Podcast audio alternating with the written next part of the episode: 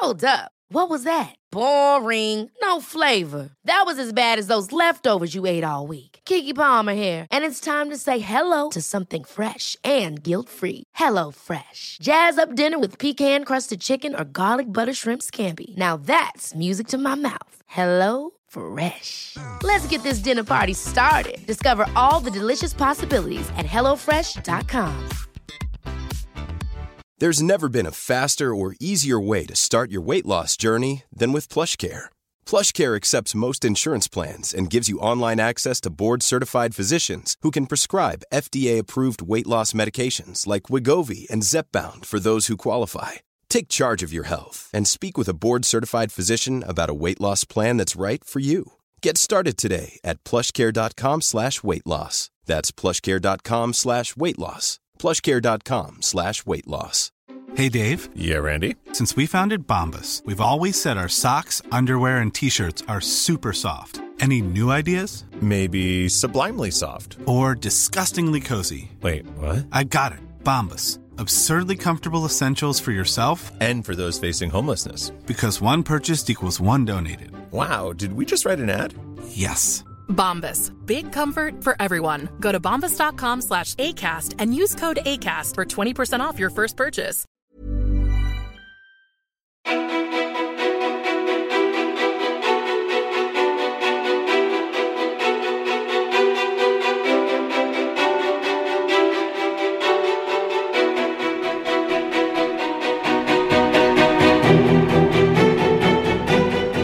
My Westerdahl är hälsoprofilen som brinner för att hjälpa andra att få en frisk och fri relation till sig själv, sin kropp och mat. My är coach och driver konceptet matfri.se. Hon gör podcasten Viktig och bloggar på Må bra. My har 25 000 följare på Instagram, är tvillingmamma och har en bakgrund som civilingenjör.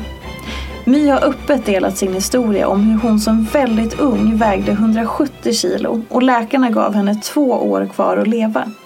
Det gjorde att hon vände på allt och gick ner nästan 100 kilo och samtidigt utvecklade ett anorektiskt beteende. Efter många år landade My i en frisk relation till sin kropp. Hur hittade hon vad som behövdes för att bryta upp med det gamla? Vad berör henne? Vem är egentligen My Westerdahl? Varmt välkommen till podcasten Ofiltrerat med mig, Sofia Peterfia Ståhl. Välkommen till Ofiltrerat My! Hur, hur har du det denna morgon? Bara en rak öppen fråga direkt, rak och öppen samtidigt. Hur har du det idag? Men gud, tack så hjärtligt att jag blev inbjuden hit. Alltså det kan ju inte bli bättre. Eh, vi, vi spelar in dagen innan eh, mina tvillingar fyller ett år och idag är det också internationella tvillingdagen. Så jag känner att det här är en festlig dag. Åh, så fint.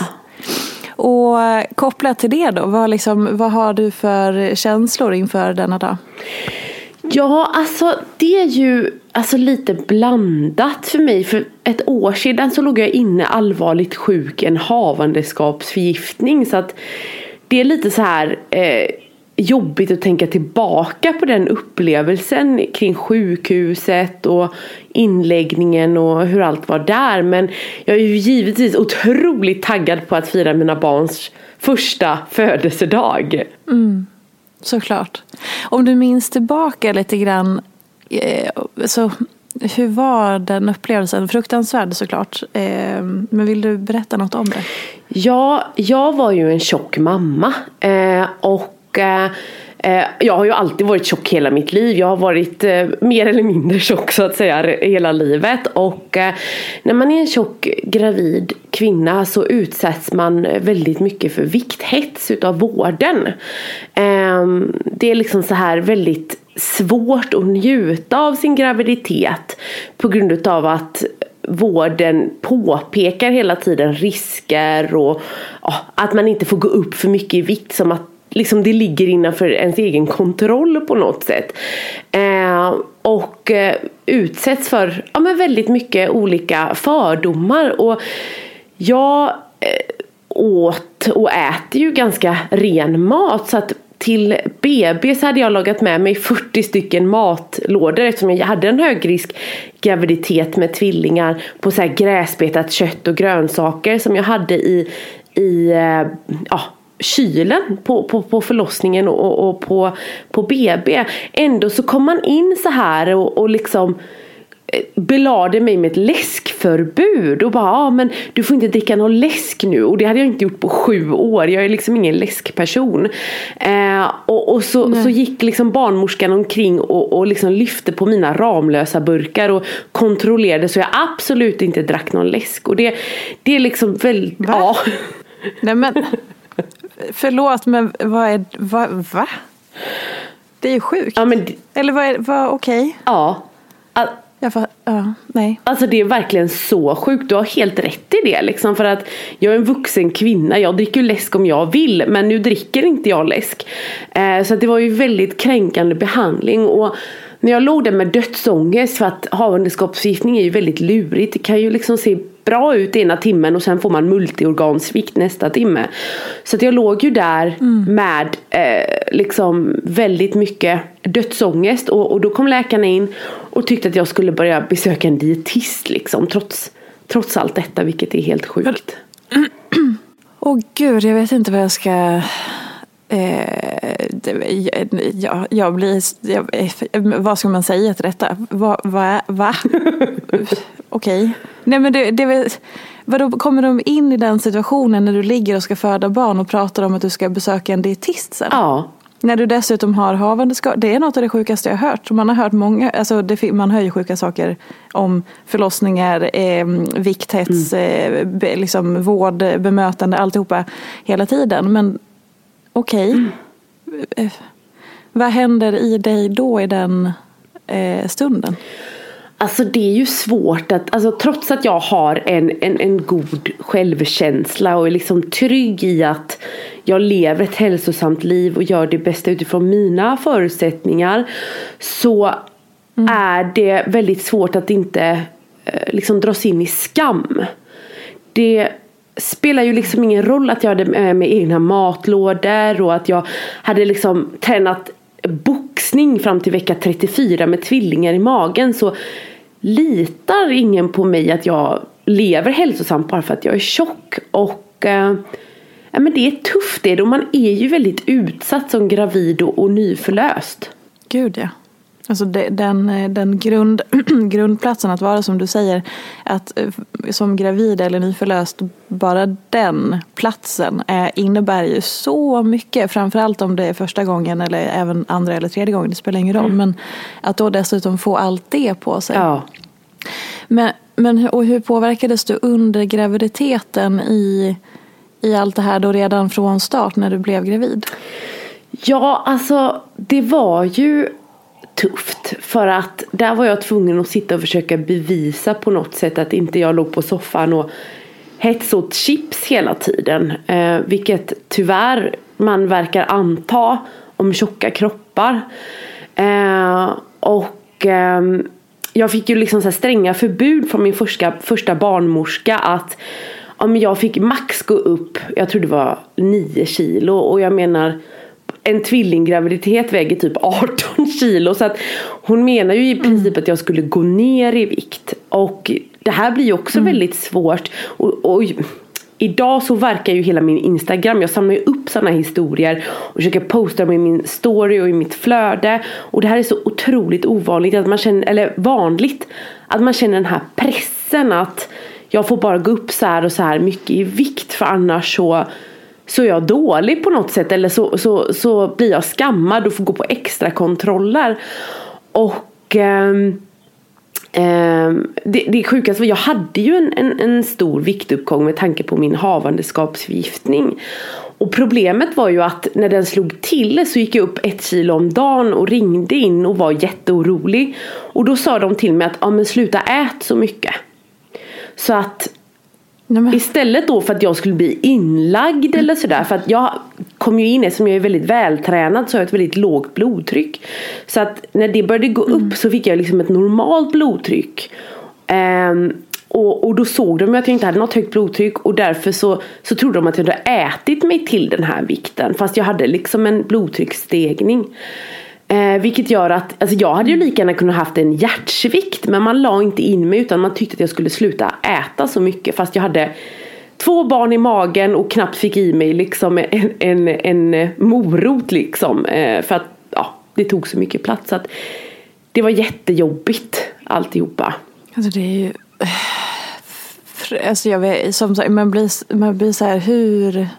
Vad, vad gör man? Vad ska man säga? Hur ska man... Jag, jag vet faktiskt inte vad jag ska säga. För att det här är så sjukt. Bisarrt. Mm. Det är liksom på en nivå. För att det är också som du säger. Det, det är ju hälsa, barnens liv, ditt liv, graviditet. Det är så mycket risker. Och att då inte ta in och undersöka. Ja. Det är ju farligt. Ja. Verkligen, verkligen. Och om man tittar på forskning så är det ju så här att man, alltså eh, vad ska man säga, högt BMI och sjukdom är ju korrelerat om man tittar på forskning. Liksom att det, det finns ett samband däremellan. Däremot så finns det ingen forskning som säger att det är just vikten som orsakar de olika sjukdomstillstånden. Det, det, går liksom inte att bevisa för då får man låsa in människor under flera år och ge dem exakt samma diet och liksom samma genuppsättning så det går inte att bevisa. Det man däremot har sett i forskning det är att liksom överviktiga nekas vård. Eh, man undersöks inte för att läkarna kommer in och säger med en gång bara, men bara du bantar så försvinner dina symptom. Eh, det är en oerhörd skam för överviktiga att söka vård överhuvudtaget vilket gör att man undviker det till den grad det börjar bli livshotande och då får du ju också en sämre prognos. Så att Mm. Det här sänker ju livskvaliteten för överviktiga men det bidrar ju även till att överviktiga dör i förtid på grund av viktdiskrimineringen i vården. Och jag själv hade ju faktiskt kunnat dö på grund av den i min tvillinggraviditet. Alltså det, det, alltså förutom att man blir som sagt provocerad och, och också tom och bara hur, vad, vad börjar man mm. ens, vad ska man säga, hur kan det få vara så här? Så som du säger, det blir ju Alltså just den här skammen. Jag tänker att oavsett vad man pratar om eh, när det kommer, alltså oavsett vad som utlöser skam mm. Eh, i vilken situation eller var man befinner sig. Men just den känslan, det gör ju saker med människor som som, som, som får så allvarliga konsekvenser. Att känna skam är ju så pass allvarligt. Om man då gör det systematiskt över tid. Mm. Eh, eller att skam är liksom en del av livet. Eller en del av ens, kanske att man alltid är där. Mm. Det, det, får ju så allvarliga konsekvenser. Mm. Ja, verkligen. Det är fruktansvärt. Verkligen. Och det kan man ju, det kan man ju känna, då, som du säger, både kopplat till, till sådana här saker eller andra saker. Alltså det, just skamkänslan är ju... Ja. ja. Oh, gud. Ja. Jag blir väldigt berörd av det du berättar. Tack. Eh, ja, nej men ja, alltså nej, jag vet inte. Man bara blir så här, hur får, det, hur får det vara på det här sättet?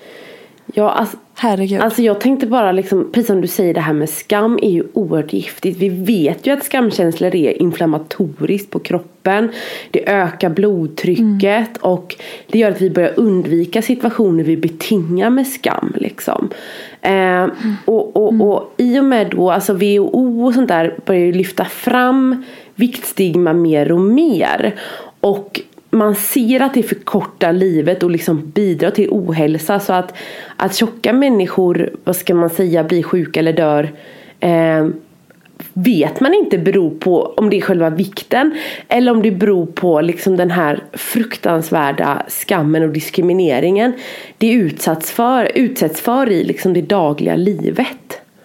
Och det är också om man tänker någonstans att man Eh, alltså att vårdens intention eh, någonstans är att hjälpa. Alltså att man tänker att okay, men någonstans här så, så måste det ju finnas en god intention. Mm. Men den fallerar ju något så, något så drastiskt i hur det då kommuniceras eller vad som förmedlas eller sägs mm. och så mm. vidare. Och då så här, hur, hur kan man inte förstå den kopplingen? Och sen så det är, det är system och det är liksom komplicerat på alla sätt. Men just att det är säkert goda intentioner men det blir, det blir ju ett, ett totalt misslyckande när då patienten i fråga hamnar i skam och känner sig fel och att man blir liksom diskriminerad och allt det där. Det är ju... Ja. Mm. Har, har du, om, om, man, om man vänder på det då i så här, hur hade du till exempel önskat eh, om, om någon i den situationen hade då haft en god intention som vi hoppas och får anta att det finns. Hur hade du önskat att du blev bemött i allt det här istället?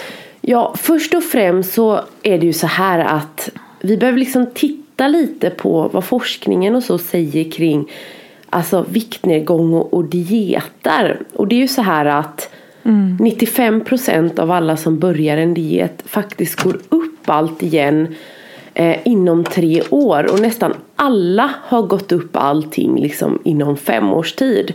Och 65 procent mm. av dessa går faktiskt upp mer i vikt så att de flesta lägger på sig vikt. Och det man vet också det är att den här bantningen resulterar ju i de allra flesta fall som liksom jojo-bantning. Och jojo-bantning är oerhört skadligt för, för hjärtat. Vi vet liksom att det är mycket bättre att ha en stabil högre vikt än hålla på att gå upp och ner i vikt. Liksom. Det, det är tufft för kroppen och alla system. Eh, så att mm. läkare och vårdpersonal kommer in och liksom rekommenderar det här riskerar ju också att liksom förkorta patientens liv fast man vill förlänga det. Det är väldigt kontraproduktivt mm. liksom, att liksom eh, på något sätt eh, försöka liksom uppmuntra till bantning eller till olika dieter för det resulterar inte i en långvarig liksom, viktminskning för de allra, allra flesta. Och eh, istället, till exempel så finns en forskning som visar på man, man fettsög olika diabetiker och såg att deras metabola profil faktiskt inte förändrades av en viktnedgång eh, genom fettsugning då. Medan när man då istället uppmuntrade människor till olika beteenden, alltså hälsosamma beteenden utan krav på viktnedgång så fick man en mycket finare hälsoprofil på alla värden och också ökade man liksom den psykiska hälsan. Så att jag önskar ju på något sätt att vården kan acceptera att vikt är liksom statiskt, att, att vi har egentligen lika lite alltså kontroll Eh, över vår vikt som Alltså egentligen temperatur och sånt där liksom långsiktigt. Och istället så kan man hjälpa människor att, att implementera hälsosamma beteenden som inte är kopplade till viktnedgång. Och, och hjälpa människor att leva ett fantastiskt liv utifrån de förutsättningar man har. Ja, för att det är ju, det, vi, du och jag pratar ju om hälsa på väldigt liknande sätt. Just att så här, alltså på olika sätt men ändå samma värdegrund eh, uppfattar jag det. Just att så här, hälsa och välmående är ju så lite egentligen om, om man säger eh, det ytliga eller fysiska utan att det handlar så mycket om det inre mm. arbetet mm. och relationen till sig själv och, och liksom grunden man står mm. på någonstans. Eh, känner, rimmar det? Alltså, känner du att, att det rimmar med det så att jag inte lägger orden i munnen på dig och påstår någonting som du inte känner stämmer? Nej, men exakt Men så. Eh, du är med på den bollen? Ja, gud ja. Alltså, ja. Jag menar det är ju en enorm skillnad att träna för att jag orkar mer, jag vill må bra, jag vill ha en stabil eh, psykisk mm. hälsa till att liksom jag försöker krympa min kropp. Alltså det, är ju, alltså det mm. kanske är samma sak man gör men det är ju, alltså forskningen visar också på att det ger oerhört olika effekt på ditt välmående mm. och eh, även att det kommer ju ett annat ställe ur dig liksom. Alltså tränar du för att ja, men jag vill må bra och jag vill känna mig stark och jag vill liksom ja, men orka mer, jag vill bli en bättre mamma, jag vill leka med mina barn. Det är liksom en sak men det här att nej, men jag hatar min kropp och jag behöver krympa den för att liksom känna mig accepterad. Det är ju liksom, ja men det är två helt olika saker. Ja men verkligen och det blir också om man också tittar på liksom stressfaktorerna i liksom att, att ha den här prestationsutgångspunkten eller att man då som du säger bara kopplar till att man ska försöka bli någon annan eller se annorlunda ut. Eller, det blir också en sån enorm stress och press som man aldrig också någonsin blir klar med. Exakt. För man kommer ju inte fram. Det där förflyttas ju hela tiden.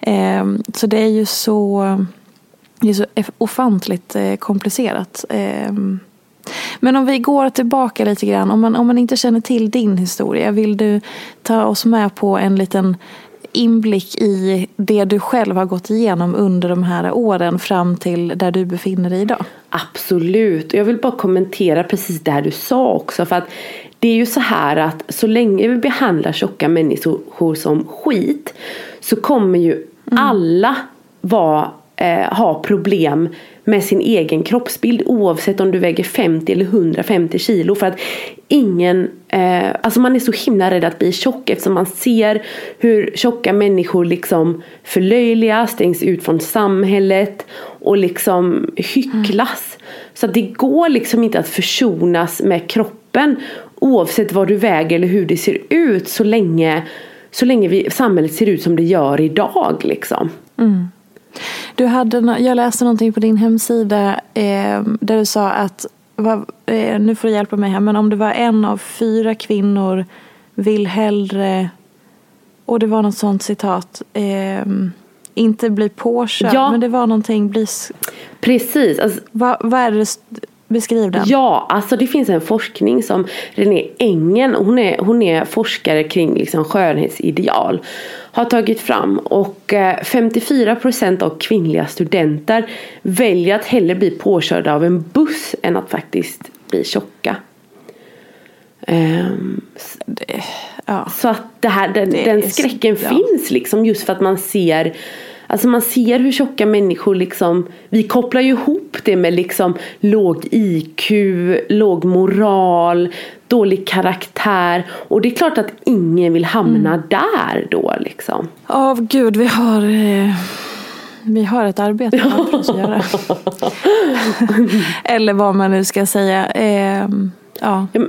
Okej, men eh, om du vill ge oss en liten inblick i din egen historia då. För att det, det märks att du, du, är så otroligt påläst och du har eh, liksom, den platsen du befinner dig på idag. Där du inspirerar andra och hjälper andra och coachar andra och så vidare. Eh, där befinner du dig nu. Och vad är det sprunget ur om vi går några år tillbaka? Ja, alltså min... Jag föddes ju liksom tjock. Eh, och sedan så fortsatte jag gå upp väldigt mycket i vikt. Och det här satte ju liksom röda blinkers hos, hos eh, barnavårdscentralen. Så att min mamma uppmuntrades ju att banta mig från jag var fyra år. Och då menar jag liksom inte så här Viktväktarna utan alla mina syskon fick äta fritt men jag fick bara ta en portion. Alltså man vägde och mätte min mat i skolan. Jag fick med mig nyttigt godis på barnkalasen och så vidare. Och eh, det här gjorde ju Alltså då så trodde jag att jag var typ trasig och inte hade någon moral. Men nu förstår jag att jag var ett svältande barn. För att eh, kroppen mm. fattar ju inte vad skönhetsideal och liksom dieter är. Utan den tror ju att man svälter när man inte får tillräckligt med mat. Så jag började ju smygäta. Jag började stjäla pengar för att köpa mat. Jag började snatta. Allt det här liksom för att få mat liksom. Och eh, det här eh, gjorde att jag gick upp ännu mer i vikt då. Och då började ju dieterna komma. Alltså, jag började ju eh, på Viktväktarna när jag var nio år gammal. Och då var det tioårsgräns som man smög in mig. Och när jag var elva år så, eh, vad ska man säga, så gick jag på min första pulverdiet. Och när jag var 9-10 år så vägde jag 90 kilo.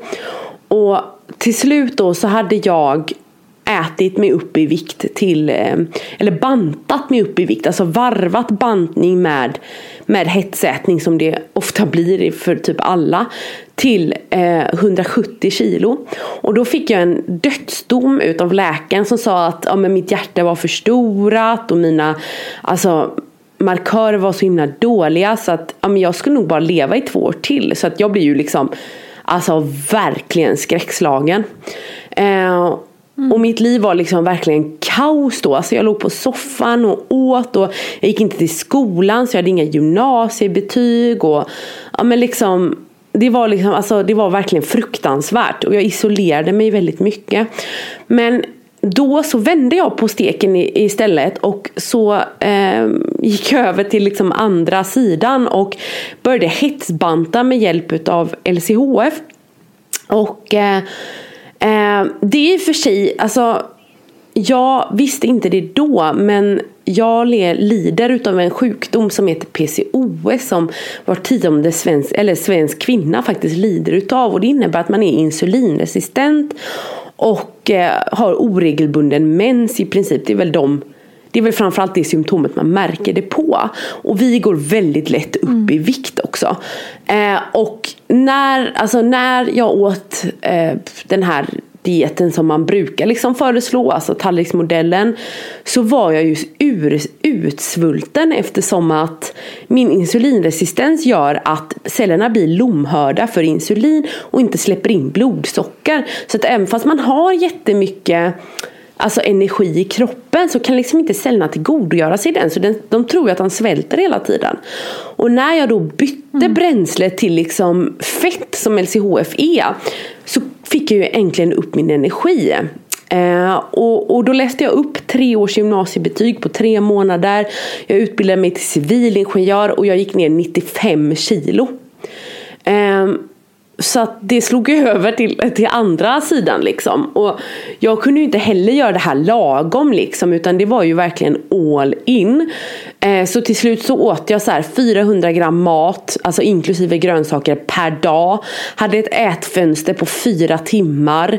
Tränade en timme om dagen. Och ah, då slutade jag menstruera på grund av det. Jag fick ju amenorré då. Att min kropp slog av min mens på grund av att jag var så liksom alltså hade bantat så jäkla mycket. Um, och jag fick mm. liksom, blev hålögd och jag fick liksom Ja men du vet så här sår i mungiporna, allt det här liksom som här, tydliga näringsbrister.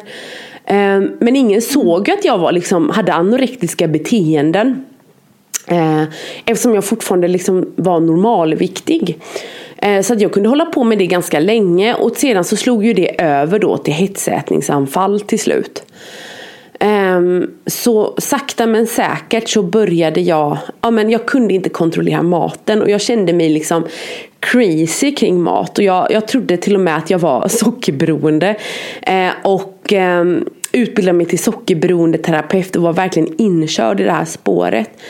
Men till slut så gick det upp för mig att jag var inte det utan, utan jag var ju faktiskt bara hungrig liksom. Mm. Så det är lite kort min historia och, och i och med det här så, så brinner jag ju väldigt mycket för att, att liksom hjälpa andra människor att hitta matfrihet och även försonas med sina egna kroppar. Det är liksom det är mitt kall, känner jag. Jag förstår att du har eh, berättat det här i olika former på olika sätt eh, hur många gånger som helst och så. När, liksom, hur gör du för att orka berätta om det igen och igen?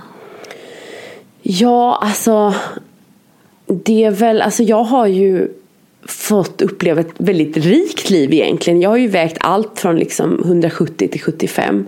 Jag har liksom varit allt från liksom hetsätare till anorektiker och ehm, um, inse att det liksom grundar sig i samma problematik. Det grundar sig liksom i en rädsla att vara tjock. Det grundar sig i en rädsla att, att bli sjuk. För att dieter lovar ju oss inte bara att, liksom, att vi ska bli smala och perfekta. Utan de lovar ju oss även alltså, en falsk trygghet. Att vi, att vi har kontroll över döden. Eh, så det är inte konstigt att det är liksom en mångmiljonindustri. Och att jag då till slut, för jag trodde ju att det bara fanns två, två vägar. Antingen så låg man på soffan och hetsåt. Eller så var man anorektisk och tränade skiten ur sig. Eh, idag så har ju jag hittat liksom en fri, frihet och en fred med maten.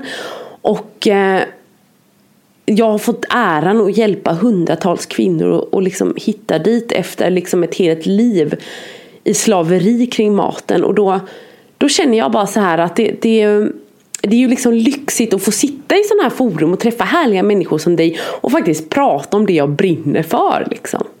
När, när känner du att du blir liksom eh, känslomässig i det eller är du så bearbetad och så så att det är mer som en, en, en del i din historia men det är inte så mycket känslor i det längre? Eller hur, var befinner du dig där? Alltså, för mig så kan det bli Förut så, alltså mat är ju oerhört laddat. Det måste man eh, eh förstå liksom. Det, det märker ju alla. Det behöver man inte vara influencer för att märka av utan det räcker att du liksom öppnar din matlåda på jobbet så undrar vad folk vad du ska äta idag. Och alla är ju väldigt inkörda i sina dieter. Antingen är man liksom frälst vegan eller så är man verkligen en ketomänniska och tror på det. Och alla tror att man har funnit lösningen och på något sätt eh, ja, men hittat dit man ska. Eh, men Eh, och därför kan det ju bli väldigt mycket tjafs och sånt där vad man äter liksom. Jag, jag vet att när jag lägger ut på, på internet till exempel, eller på, på, på, på Instagram om ja, men det här käkar jag idag så kan jag få kommentarer om att men gud, är du verkligen matfri du som äter så nyttigt? Eller ja men gud, äter du det där? Det där kan ju inte vara bra. Så att, det går liksom aldrig att vara, alltså mat är någonting som är väldigt känsligt och det, det behöver man liksom förstå. Det är klart att eh, det kan vara liksom tungt att prata om eh, på något sätt. Att bli anklagad för, för olika saker. Eh, som jag tror att alla influencers blir. Men där jag blir känslomässigt berörd framför allt. Det är alla de historierna mina följare skickar till mig om hur de blir behandlade av vården och samhället. Eh, för att de liksom, liksom lever i större kroppar kroppar. Eller det behöver inte ens vara det. Jag vet att det var en följare som eh, skickade in till mig hur, hur liksom en läkare hade raljerat och vikthetsat henne bara för att trots att hon hade liksom BMI 17 och var kortisonsvullen. Så att det här är liksom ingenting som, som bara drabbar liksom tjocka kroppar utan det här drabbar alla. Och där blir jag oftast väldigt arg och ledsen när, när, när jag liksom hör hur, hur människor behandlas så otroligt illa. Liksom. Ja, det, det får mig också tänka på det här. Eh, det finns ett konto på eh, Instagram som berör också så förlossningsskador mm. och bemötandet runt, eh, runt det. Det är så många saker som man är så här, just också kring vården. är mm. fantastisk på många sätt. Och sen så finns det ju sådana brister där man undrar hur är det detta möjligt? Att det får gå till på det här sättet? Um, ja, nej. Oh, gud, mm. jag, jag blir så... Eh, jag skulle kunna sitta och lyssna på dig eh, om det här hela dagen. Eh, men, men, och i, liksom när du tittar på, på hela, hela din historia och sådär, just att det började så himla tidigt. Mm. Och som, när du tittar på det så som, ett, som du säger, du var liksom ett svältande barn som försökte få tag på mm. mat och sådär. Det Ja, vad ska man ens säga om det? Fin, vad, finns det ilska från dig i det här? Har du liksom eh, Vilka olika stadier har du gått igenom för att någonstans kanske hamna på en plats av acceptans gissar jag? Eller mm. hur, hur, var befinner du dig kopplat till det?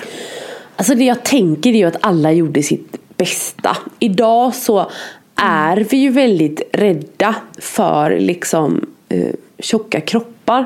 Det är, fetma är ju klassat som en sjukdom vilket är, alltså det kan man ju också titta på. Det, det är ju ganska lustigt för att 2013 så klassade man det som en sjukdom i USA. Och ehm, det är lite, man tillsatte ett sånt råd liksom att man då skulle undersöka om det här verkligen var en sjukdom och det här rådet kom fram till att nej men det är faktiskt ingen sjukdom att vara tjock för att eh, jag menar dels har du liksom inga signifikanta symptom som till exempel cancer liksom eh, och, och sådana mm. grejer eh, men ändå så med 60% majoritet så röstades igenom då att, att man skulle klassa fetma som en sjukdom. Eh, och eh, det var ju väldigt fördelaktigt för vad ska man säga, läkemedelsindustrin för att helt plötsligt så Alltså samma år så hade man liksom lanserat två nya viktnedgångsläkemedel. Eh, som man då kunde börja, läkaren kunde börja förskriva på, på, på sådana sjukförsäkringar. Och dels så eh, vad ska, vad ska man säga, så kunde man ju liksom börjat operera människor. Så det blev ju ännu mer pengar in i de här redan stora industrierna. Och eftersom man är så himla rädd då för liksom, eh, man tror att, att liksom att vara tjock är lika med sjuk och, och liksom dödlig så, så förstår jag att man behandlar mig som, som man gjorde. Eh, och, och jag liksom vet att ingen gjorde det för att vara elak mot mig utan man tror ju att det var för mitt allra bästa fast det orsakade så mycket skada. Det som orsakade framförallt skada det var väl det här liksom att alltså noll tillit till den egna kroppen. Alltså den egna kroppen Alltså var farlig och att jag inte, jag kan inte lita på den, den vill mig inte väl. Fast det är precis tvärtom. Alltså våra kroppar är inte dumma i huvudet, de vill oss väl. Säger kroppen att den är hungrig, då är det relevant, då behöver den mat. Den gör inte det för att jävlas med dig liksom. Och jag tycker att det häftigaste är att så här, jag fick aldrig lära mig att äta. Jag fick aldrig lära mig själv liksom vad hunger är. Alltså att, att vara hungrig är ju så mycket mer än bara det här sugandet i magen. Det börjar ju väldigt subtilt liksom. Och för mig var det så att om jag inte hade rigorösa regler kring maten så skulle jag äta ihjäl mig. Det var ju min absoluta tanke. Men sen har det visat sig när jag blivit matfri att min kropp har en inbyggd spärr själv. Jag tycker det är jätteobehagligt att bli för mätt liksom. Och den kontrollerar det helt själv. Alltså givetvis på jul och vid speciella tillfällen. Det är klart man kan äta förbi sin bekväma mättnad. Det gör ju alla människor liksom. Men i vardagen så är det någonting jag inte tycker om att bli. Just för att alltså det finns den spärren, min kropp vill mig väl. Liksom. Men när man är i svält så, så är liksom den spärren borta för då vill kroppen få i sig så mycket mat den bara kan när det väl finns mat. Liksom. Just det där med att liksom lyssna in och våga lita på kroppens naturliga eh, signaler och behov just kring då hunger och mättnad. Det blir ju så förstört för så många av massa olika anledningar. Mm precis som du säger också att den här tanken att nej men om jag, om jag skulle inte ha några förbud eller om jag skulle inte kontrollera maten då kommer jag, som du säger, alltså då kommer det typ bli banan ja. jag kommer tappa all kontroll och det kommer bli så här stora konsekvenser jag kommer bara sitta och äta chips hela dagarna. Men det är ju inte så. Eh, så det är en så viktig sak att lyfta om och om igen mm. och att prata om det för att det är ju ett basbehov hos människan och kroppen reglerar ju hunger och mättnad. Ja. Precis som du säger. Så tack för att du påminner om det och tar upp det för att det är så ofantligt viktigt. Mm. Mm. Precis, och liksom, det bästa sättet att sätta det ur spel det är ju liksom att banta. Det är då liksom kroppen eh, minskar ner liksom mättnadshormoner och den ökar hungershormoner och den ökar också belöningen vi får utav mat. Så det är därför man känner sig som en sockerberoende eller känner sig som en matberoende när man väl, alltså när man är liksom eh, hungrig helt enkelt eller i svält eller på en diet för att alltså hela belöningssystemet är så otroligt uppskruvat för att kroppen vill verkligen se till att, att vi äter. Um, men det här med matberoende är ju en tvåkomponentslim. Jag håller med om att livsmedelsindustrin har massa fula tips och tricks i rockärmen för att vi ska liksom, alltså att maten ska komma förbi våra mättnadshormoner och så vidare. Men vi behöver en svältande hjärna för att liksom verkligen maximera liksom dopaminutsöndringen när det kommer till mat. Och vi blir också lärda så tidigt i att man ska inte äta sig mätt. Som att mättnad är någonting fult, ja. det är någonting farligt. Mättnad kommer, om, om jag är mätt då kommer jag gå upp i vikt. Ja. Och det som du precis, allt det du berättar det är ju det farligaste som finns i vårt samhälle enligt de här sjuka idealen vi har. Eh, så det är som att man blir så skrämd att äta sig mätt. Oavsett var man befinner sig allting. För att det är så, åh nej men mätt kan jag inte bli för att då är det någonting fel eller då har jag misslyckats eller då man får ju bara lära sig att man ska hålla igen, hålla igen, hålla igen och hålla igen. Ja. Oavsett om man bantar eller inte. Mm. Oavsett om man, och likadant om man kopplar det till att börja träna så tänker man automatiskt, många av oss, okej okay, men om jag ska börja träna då ska jag automatiskt dra ner på maten. Mm. Och så tänker man, men hur ska man då orka träna? Och hur ska du kunna liksom fylla på med bränsle för att ens orka genomföra din träning om man automatiskt ska kutta all mat? Ja. Oavsett vad ambitionen med träningen eller maten eller hälsosamma vanor är. Mm.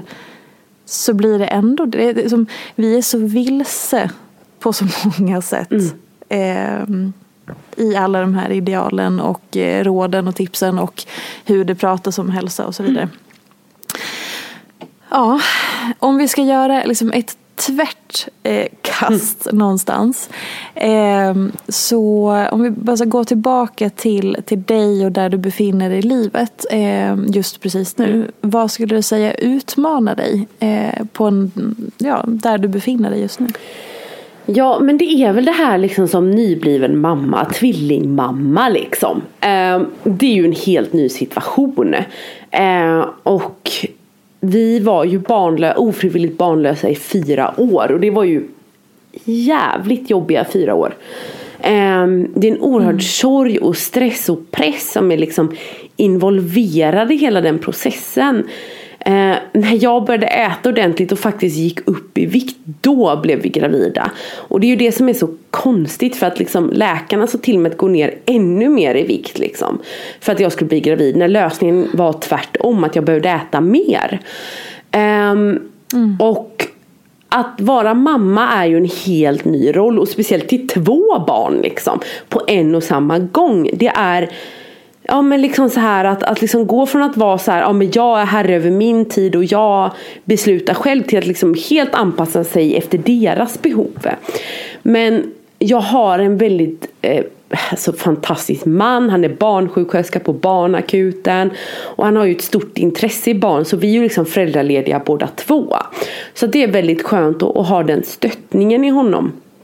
Um, men eh, om man förbiser liksom min privata situation så, så är det väl egentligen att alltså, driva igenom det här med liksom oh, som du och jag pratar om att liksom, vi kan lita på våra kroppar. I USA och sånt där så finns det ju liksom en hel rörelse.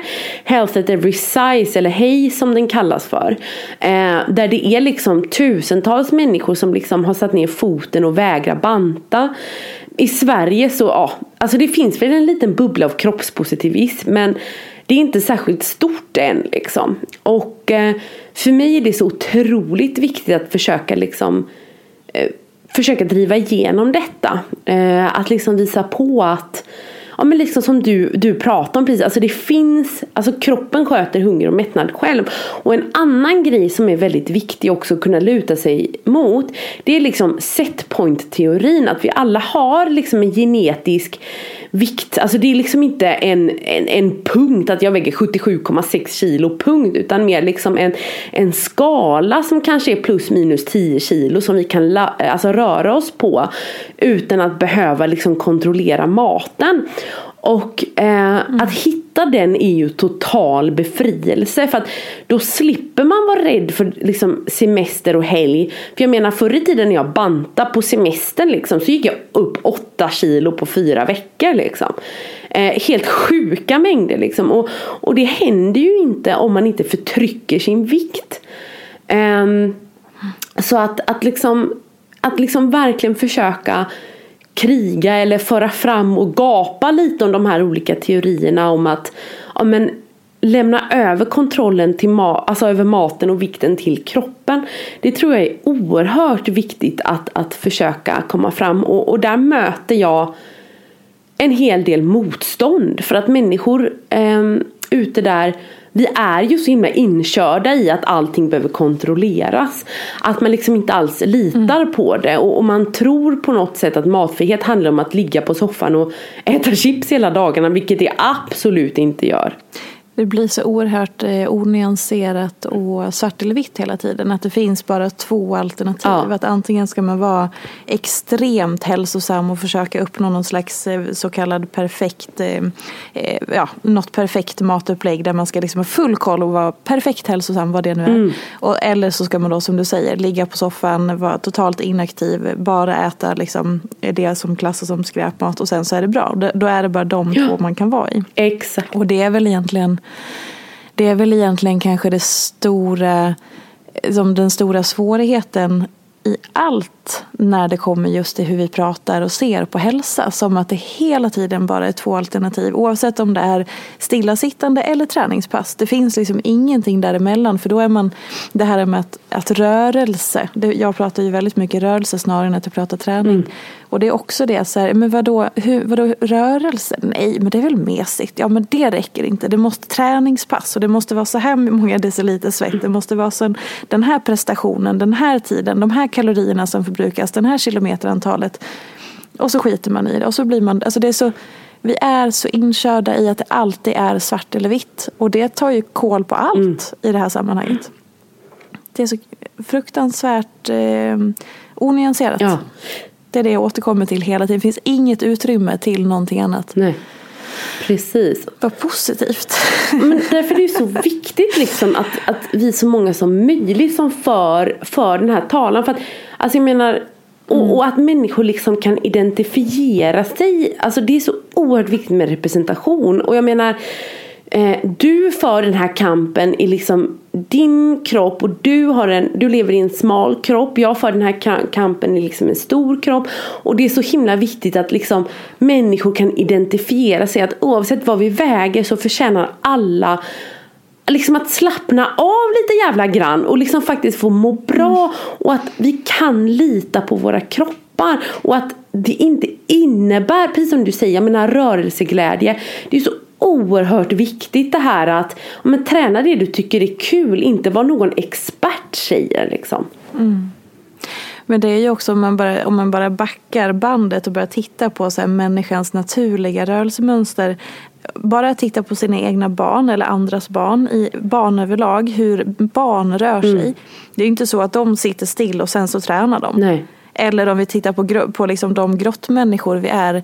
Där handlade det inte heller om att de ligger platt på rygg och sen så tränar de och sen så ligger de platt på rygg. Så det vi har hittat på nu det är ju någonting ett modernt koncept som vi kallar träning. Träning borde inte ens behöva existera.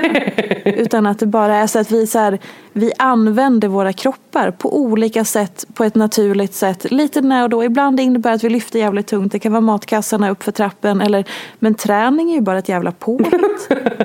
men, men det är som att vi glömmer det. Som att så här, ja, men titta på hur barnen rör sig. De tränar ju hela tiden om man skulle säga så. Att de gör benböj och knäböj och burpees och alltihopa. Men det är ju lek. Så att vi, vi har ju liksom tappat, eh, vad ska jag säga, perspektiven. Alltså träning önskar jag att vi aldrig behövde för att vi skulle röra oss på det sättet, alltså använda kroppen på det sättet vi menade att göra. Men eftersom vi lever i ett modernt samhälle så behöver vi ju träning. För att, alltså missförstå mig rätt. Men vi önskar ju kanske att det inte skulle behövas för att vi bara använder våra kroppar så som de är gjorda, eller skapade till att användas. Det does it make sense? Eller vart det rörigt? Nej alltså du är så jävla cool. Alltså jag längtar att ha dig i min podd.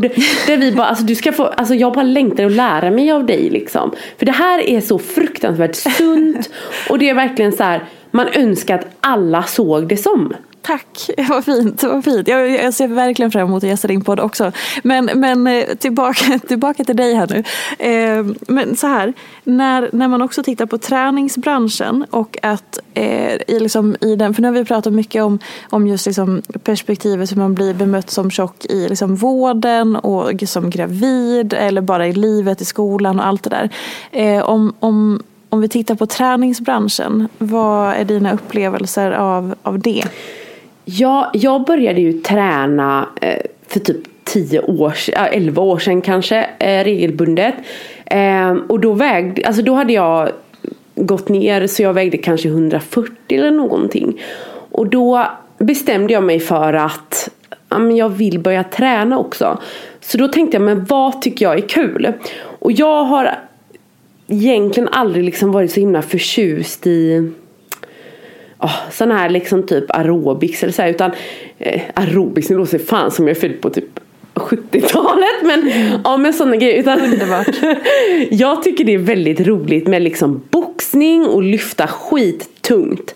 Så att jag började med det liksom en gång i veckan. Eh, och och, och faktiskt så var det så här att jag var nog tjockast på gymmet men för jag är ju väldigt kort också, liksom 160 centimeter liksom.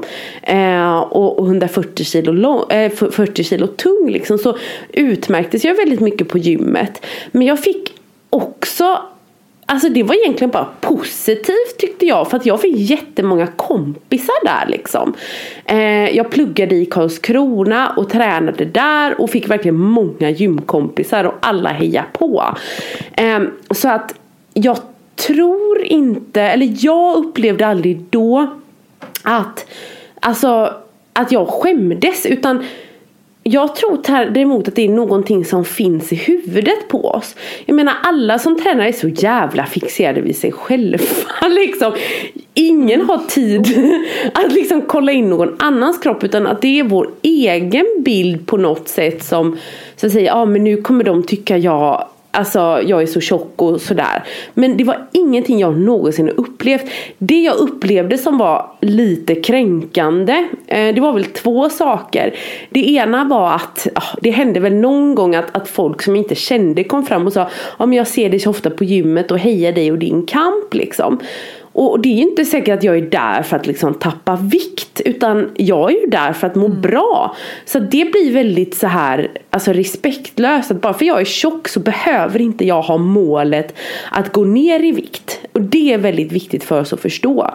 Eh, och det ska inte heller, alltså jag vet typ när jag har anlitat PTs och sånt där så kan de vara väldigt så ja men vi ska lägga in fettförbränning. Bara, Nej varför då?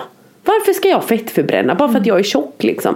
Jag kanske har ett mål att bli skitstark eller jätteuthållig liksom. Så att det kan väl vara det här förutfattade meningen att om en tjockisar tränar bara för att bli smala och så är det ju inte. Utan vi alla har olika mål precis som alla människor har. Eh, Mm. Och det andra kan väl jag uppleva också att det var så, inte nu för tiden, men då, alltså bara för liksom 10-11 år sedan så var det svårt att hitta gymkläder i stora storlekar. Och det tycker jag är faktiskt jävligt hemskt för att Nike hade en kampanj för ett par år sedan där eh, man gick, hade tjocka mannekänger i deras kroppar. Eh, eller i deras kläder, kroppar, kläder menar jag. Eh, och, och, den kampanjen blev helt sågad för att man sa att ja, men de uppmuntrar till övervikt, de uppmuntrar till fetma. Så att alltså tjocka människor får inte ens se sig representerade i liksom träningskläder. Alla tycker att tjocka ska träna men när de tränar så ska de skammas för att det uppmuntrar till fetma eller vad då? Så att Mm. Det blir väldigt dubbelt. Ja, det är så mycket som är så skevt i detta. eh, ja, eh, om vi bara kopplar tillbaka till det du nämnde om just eh, det här nya livet då som småbarnsförälder och eh, eh, också tvillingmamma. Hur upplever du mammarollen? Jag upplever mammarollen som att jag har liksom ett större ansvar att ta hand om mig själv. Alltså det är lite det här med syrgasmasken som man säger. Liksom att sätt på dig den själv först innan du liksom hjälper dina barn. Och det är lite så för mig här liksom att det är oerhört viktigt för mig att Alltså hur jag liksom talar om mig själv. Nu är mina barn så små så att de förstår inte. Men jag tror ändå barn förstår mer än vad, vad vi alltså, tror. Och för mig är det oerhört viktigt att liksom inte alltså, kommentera andras kroppar, kommentera andras utseenden, prata om mitt eget utseende, vi ska inte ha någon våg hemma. Det är också så här att från och med nu då de är ett år så får faktiskt inte BVC väga mina barn. Um, och, och, och då kan man tänka, men varför inte då? Jo, men jag får Alltså som, som kroppspositiv influencer och liksom eh, viktaktivist och, och liksom verkligen aktivist när det gäller lika vård för alla så får jag väldigt många historier skickade till mig från mammor som liksom skickar bilder på liksom sina alltså smala barn där ändå vågen säger att de väger för mycket. För att BMI är ju ett väldigt trubbigt mm. mål. Alltså måttet tar ju liksom inte alls hänsyn till alltså, din fitness eller liksom din, din, alltså, din, alltså hur mycket muskler du har. Um, och sedan så är då mm. BVC tvungen att göra interventioner. Liksom. Att man får bli skickad till en dietist eller till en läkare. Och då är man ju inne i den här snurran som, som jag var inne i. Liksom det här att inte kunna lita på sin egen kropp, att börja smygäta. Alltså det leder inte till något bra. Och liksom om man begär ut statistik och tittar liksom på vad det faktiskt leder till så har överviktsenheter och sånt där extremt dålig statistik. Alltså vi pratar promillen liksom. Um, och eh, då skyller man ju på liksom compliance då att, ens, att patienterna vägrar följa ens råd. Alltså det är så jävla sjukt va.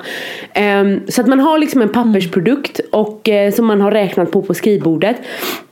Och när ingen kan följa det här så är det patienternas fel liksom. Eh, och jag vill inte ta in mina barn i det. Jag har sagt att givetvis får ni väga mina barn. Men då så vill jag att ni säger det under ett sånt där eh, BVC-besök och motivera det medicinskt. Och sedan ska jag och min man gå hem, ta ställning till detta och sen så kommer vi tillbaka på en extra gång om vi i så fall anser att det är liksom eh, medicinskt betingat. Liksom. Um, mm. För att alltså eftersom jag själv har varit med om det så mycket så vill jag ju skydda mina barn från det här.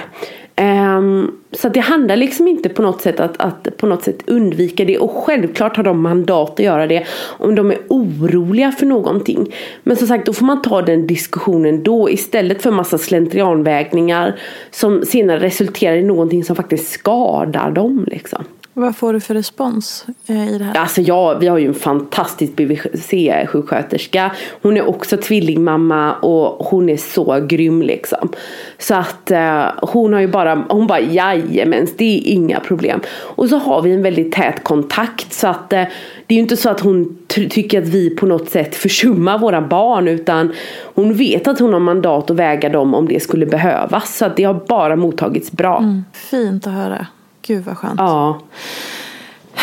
Du, eh, det har börjat bli dags för oss att avrunda, tyvärr säger jag. Eh, men innan vi gör det så ska du få den frågan som jag ställer till alla mina gäster. Och fri tolkning, det enda. Säg inte Instagram, för det är typ vedertaget att vi alla känner så inför detta. Men frågan är, vad är inte som det ser ut? Um, och jäklar! Gud vilken spännande fråga. Vad är inte som det ser ut?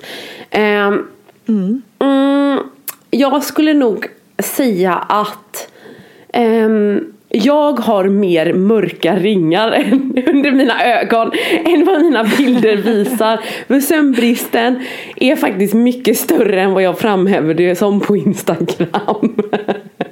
Ah, berätta mer om detta. ja men alltså våra barn sover inne hos oss och de vaknar ju liksom flera gånger per natt. Och eh, jag har, alltså när, alltså det här är faktiskt helt sjukt men alltså mina följare fick ju följa med under mina fyra år som ofrivillig barnlös. Och um, när jag då började prata om liksom sömnbrist och hur jävla jobbigt det är ibland så möttes jag av massa mm. liksom skammande kommentarer att ja, men jag som ofrivilligt barnlös borde bara vara tacksam liksom. Så att det blev fult att klaga och att det stack i ögonen på folk eftersom jag hade haft problem att få barn. Um, Oj. Ja, så det, då valde jag helt enkelt att ja, men jag, alltså jag, jag skruvar ner hela det där liksom. och, och och försöker liksom inte, för det, det blev liksom, det här är utanför min, vad ska man säga, ram på Instagram. Jag behöver inte ta det här kriget också, helt enkelt. Återigen så hamnar vi i att det blir så onyanserat. Ja. Kan jag känna. Eller att det blir som att så här, men kan man inte hålla, hålla flera saker i huvudet samtidigt. Alltså man kan vara tacksam och älska sina barn och allt det där och samtidigt vara skittrött. Och det måste väl få vara okej? Ja. Eller? Absolut. Hur kan det inte få vara okej? Ja. Det är så otroligt trångt ja. ibland. Ja, det är helt galet är det. Ja. Men eh, ja, okej, okay, men sömnbristen alltså, vad skönt att höra ändå att den är ju där, för det tror jag att alla småbarnsföräldrar mm. kan relatera till på olika sätt, mer och mindre i perioder. Mm. Men du, eh, My, kan du vara snäll och berätta var vi hittar dig om man vill ha mer av dig?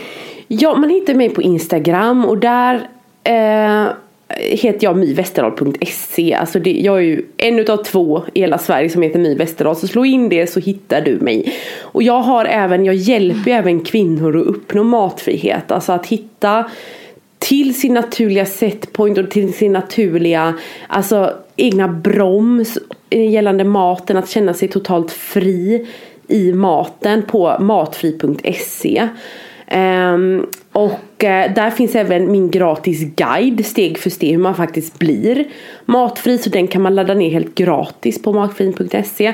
Och sedan så har jag även min podd Viktigt som du kommer gästa i inom en nära mm. framtid. Så det ser jag extra mycket fram emot. Så roligt. Ja men jag med, verkligen. Så eh, lyssna klart på detta avsnitt, gör ni nu. Och sen så slidar ni in till eh, My och eh, tittar på vad hon har att erbjuda helt enkelt. Så kan ni lyssna på Myspodd sen eh, när jag gästar eller någon annan gästar också. Tusen tack för att du ville vara med och dela med dig av allt det här. Jag är väldigt, väldigt glad för det. Och tack till alla er som har lyssnat. Vi hörs igen nästa vecka. Puss och kram så länge. Hej då! Hej då! Följ mig gärna i sociala medier. Jag finns på Instagram som peterfia och bloggar på peterfia.se. Jag blir så glad om du vill recensera den här podden, prenumerera och lämna gärna önskemål på gäster. Vi ses i sociala medier. Ha det gott så länge. Hej då! En podd från Allermedia.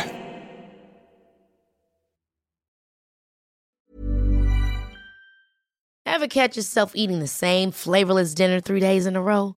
Dreaming of something better? Well, HelloFresh is your guilt-free dream come true, baby. It's me, Gigi Palmer.